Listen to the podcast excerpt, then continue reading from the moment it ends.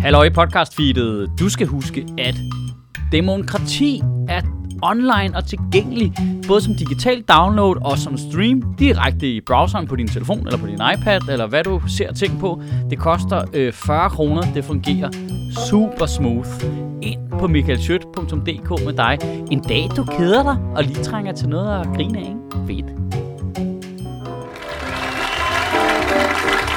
Og så vi kan se, har jeg det store grimme sportsur på, så jeg kan holde øje med tiden. Og jeg er fucking stolt af, at det lykkedes os at holde det, så vi har god tid til den sidste gæst inden pausen. Er I søde at give en stor hånd til Dansk Folkeparti's formand, Morten Messerschmidt.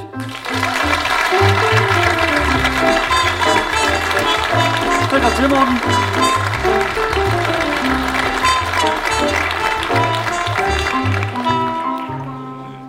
Ja, sæt dig endelig.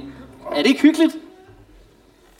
Jo, altså nu har jeg jo siddet du i tre kvarter og nyt det, så nu er jeg, nu er jeg virkelig i stemning. Det må jeg sige, det er dejligt at være her. Fedt, Kom og på. Ja, og tak fordi du ville komme. Meget gerne. Øhm, Sidst jeg var her, var det jo med Kirsten Birgit. ja, Så jeg forventer, at både likstallet og intensiteten bliver tilsvarende. ja.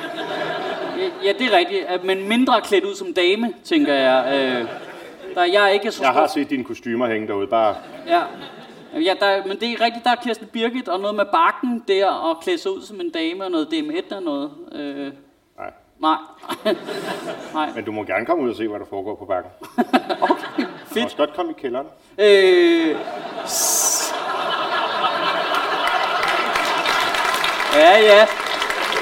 Den fangede de. Ja, det gjorde de. Ja. Og, og, og, og øh, altså, øh, vi to, vi har jo snakket sammen for 100 år siden øh, ude på Nørrebro Teater, og i mellemtiden er du, øh, øh, der, er du var gang, jeg kom på Nørrebro i meget, meget lang tid.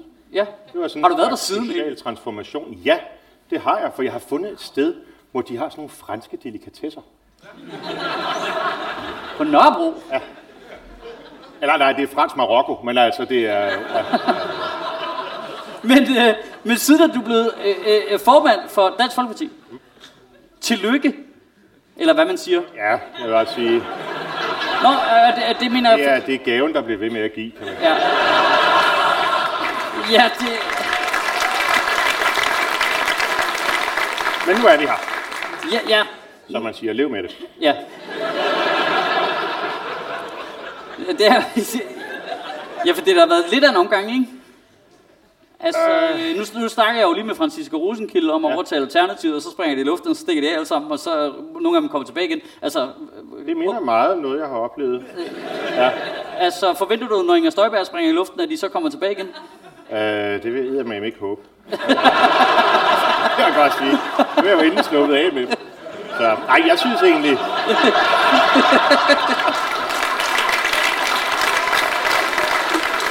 Nej, altså, når man, nu, øh, når man nu så længe har ønsket sig øh, åbenbart at have sit eget parti og være DF og uden at være DF, så skal hun fandme have lov til at nyde det i noget tid, synes jeg. Ja. Ja.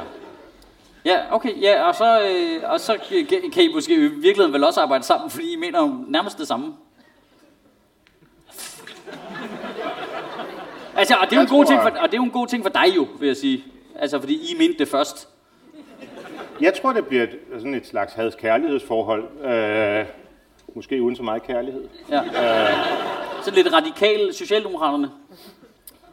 Nej, jeg kommer til at gøre det på min helt egen måde. Og, øh, øhm, Der er ikke nogen venstrefolk i lokalet, vel? Men hvad hedder det? I, I er jo, jamen, altså, sådan rent politisk, der, det, er jo, det er jo fordi, der er så mange af de her mekanismer, der minder om hinanden. Ja. Øh, øh, lige nu er I vel primært presset af, øh, ligesom Ida Augen har været det på klimaområdet, så er I stået øh, på den der udlændingepolitik, og så stod I derude alene, og så kom alle vælgerne langsomt over til jer, og så overtog de andre, og med de andre mener Socialdemokratiet, og i en stor periode Blå Blok også, jeres politik, og nu skal du slås for dit liv, på en eller anden måde. Altså, jeg forstod ikke helt halvdelen, men altså, jeg mener primært, at jeg er presset af vælgerne. Altså, Ja. det er jo det, der er udfordringen, ikke? Ja, men det er fordi, nu har vælgerne flere forskellige steder at gå hen og Ja. få det, som du havde øh, øh, øh, for dig selv før. Nej, altså det svarer jo lidt til, at man kan gå ind i en butik, og så er der en række kopiprodukter, og så er der den ægte ting. Kopiprodukterne, de er selvfølgelig billigere, fordi det er made in China, og du bliver syg af at spise det og alt muligt. Men, altså, men det finder man jo først ud af bagefter. I øvrigt, der er ikke flere pistachionødder derude. Jeg sidder og spiser.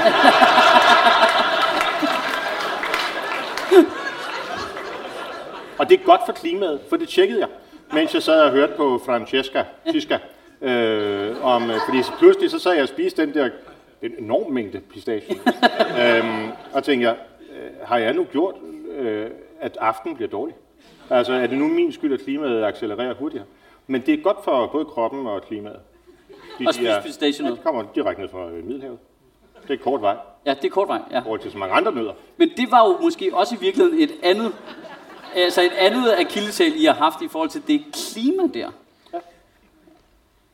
Altså, Jeg synes, det er enormt besværligt, at man skal sidde og google sig frem og tilbage, og kommer den her nød nu fra Mellemøsten, eller kommer den fra Asien? Det er jo kraftigt for at føre udlændingepolitik.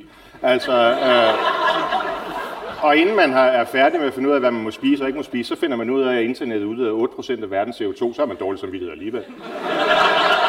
Men det er vel et ret godt argument for, at I som politikere skal tage en lille smule ansvar for klimaet, så ikke vi som borgere skal sidde og google, hvor nøden kommer fra. Ja, jeg har da kørt herinde i en elbil. Men så er vi i gang. Men, Og Dot og jeg kørt sammen. Prøv lige at tale om sharing. ja. Altså, bor I ikke i samme husstand? Altså, Jo, men det er jo ødelægger ikke pointen. jeg vil bare mene, det var lidt aggressivt at køre i hver sin bil. Men, men Morten, altså nu, nu, og er jeg jeg, nu er jeg bare og kigge på jeres mærkesager, og der står jo ikke klima, og klima fylder øh, alt for alle de andre partier. Jeg føler ikke så meget for vælgerne for tiden. vel? Tror du ikke det? Jeg tror ikke. Ah, Ja, her. jeg, jeg, jeg, jeg tror også, at de, de der Det er de målinger... københavnske salonger for helvede, altså. Men øh, jeg, jeg, jeg tror, de fleste målinger mener, at alle danskere har det op i nummer 2-3 stykker der. Nej, Nej, ikke lige for tiden. nej. Kan du se? Det er, de, det er dem, der stemmer på os for hatten. Altså, Ja, det jo, hvad du skal bruge. Ja. der er ingen grund til at bruge tid på det der. Øhm, altså, jeg, jeg kunne ikke lade være med at bide mærke i, at, at du, har, du, I har valgt et slogan, der hedder Danskerne først. Et af dem. Et af dem. Ja. Alright. Det var bare lige det, der lige stod på øh, jeres På site. bussen, der kørte forbi dig. Ja. Ja. Og på sitet, når man lige klikkede ind, så var det lige det, der var. Vi, vi Danskerne har først. en, øh, ja, jamen, det er rigtigt. Jeg synes, det er ret. Altså, har du en autogenerator på slogan? Ja, det var det, jeg skulle frem til. Jeg Ja. kunne ikke bare lige huske ordet. Øhm, der, vi har også for eksempel et, der hedder Blå Bloks Bløde Hjerte. Så I har simpelthen flere slogans? Er masser af slogans. Det er mig, der udvikler dem. Okay, det er smart. Så kan I ligesom, øh, så, så er der lidt hundefløjte til mange forskellige segmenter der. Ja. Altså, øh, jeg går ud fra, at du gør det samme, når du skal markedsføre dine shows. Altså, alle de dårlige vidigheder markedsfører du så ved provinsen, og dem, der skræmmer, det er jo så her i København. ikke? Og Jeg ved ikke, om I på taler du lige provinsen ned nu? Jeg kan aldrig falde mig. Vi, vi klipper jo det her, lægger det på internettet, Måne, så, øh, så de kan jo... Øh, øh, så de kan, jo, de kan jo fange dig i det nu. Så det her bliver...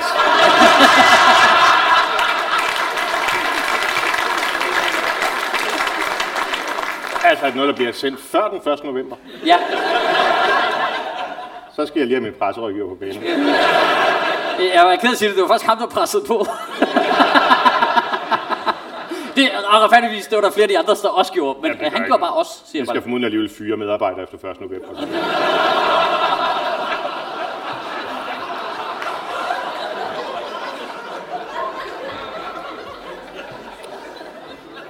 Det er det irriterende med valgdatoen. Ikke? Tænk, hvis det havde været den 31. Så havde man...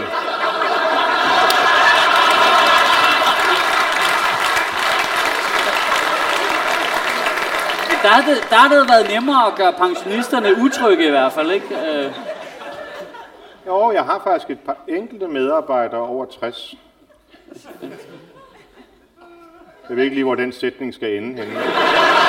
Ved du hvad, jeg klipper den ind et sted, hvor det giver mening. Jeg er egentlig ikke så bekymret for, hvad du klipper ind. Jeg er mere optaget hvad du klipper ud. Ja, det er jeg gerne. Jeg klipper ikke noget ud. Det, det, jeg. det, det det er fuldstændig, Ja, det er fuldstændig uredigeret. Et cut. Ja, lige præcis. Øhm, hvad, men altså, Er der en har du, har, på det her interview? Eller, ja, jamen, jeg prøver at holde styr på dig. Du er fucking som en sæk lopper jo. Altså. Men det ved jeg godt jo. Det ved jeg selv bedt om, det, så det er ikke din skyld. Øh, men altså, har I ikke et eneste stykke klimapolitik? Jo, Hvad? For, og jeg har let, siger jeg bare lige, så du, må ikke finde, du kan ikke finde på noget. Ja, vi er, det er mig, der har skrevet vores klimapolitik, altså, så det er meget enkelt. Vi vil for eksempel fjerne alle de byråkratiske regler, der gælder kommunalt for at sæt- opsætte solceller på, øh, på kommunale bygninger. Altså, når man, man bygger jo hele tiden nyt rundt omkring, øh, både i København og uden for København, og der vil det være ret naturligt, at man sætter solceller på oven på tagene. der er jo alligevel tage, altså, ja. så man kan lige så godt øh, sætte noget solceller på der. Og der, der er noget byråkrati, der forhindrer, at man Ja, sætter ned der er op. noget, der hedder kommunalfuldmagten, som gør, at virksomheder ikke må drive, øh, eller offentlige ejendom ikke må drive virksomhed. Og sagen er jo, at, at solen skinner jo ikke hele tiden, blandt andet om natten. Øhm, og der er der mange af de her bygninger, som godt vil have strøm alligevel. Og der skal de så trække på nettet, og så siger man, at det træk, det må man så ikke ind, lave en forretning ud af, altså hvor du producerer, pumper ud, trækker strøm ind og sådan nogle ting. Det vil vi gerne lave om. Det er sådan en helt konkret kedelig ting. Men det er klart, det er jo ikke noget, der går ud, hvor man kan sige, nu har jeg reddet en panda eller et eller andet. Altså, øh, det er bare sådan en kedelig byråkratisk ting, der forhindrer Men- men, men noget det- grøn men- omstilling i dag. Ja, men det er jo et generelt, konkret forslag. Hvordan kan det både være generelt og konkret? Er det ikke, når Nå, man- men øh, det er da for det, det gælder hele landet. Jeg mener, du, du har ikke reddet en panda. Du, du har kommet med et konkret forslag, der ændrer noget i hele landet øh, til klimaets bedste. Okay, jeg troede, det var problemformuleringen, da du sagde, at jeg skulle komme med et konkret forslag på klima. Men det var det da også, der er der bare ingen, der svarer for helvede. Det er jo, det er fordi, hver gang jeg prøver, det er jo primært job her, er jo for helvede få folk til at prøve at være lidt konkrete. Var- Og så sidder du og fyrer vittigheder af i 20 minutter, så spørger du om en ting, så svarer du bare med det samme. Altså, altså,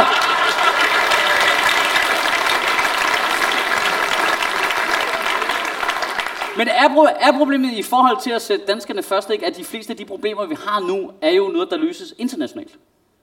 Nej. Altså, klima er et glimrende eksempel. Ja, ja.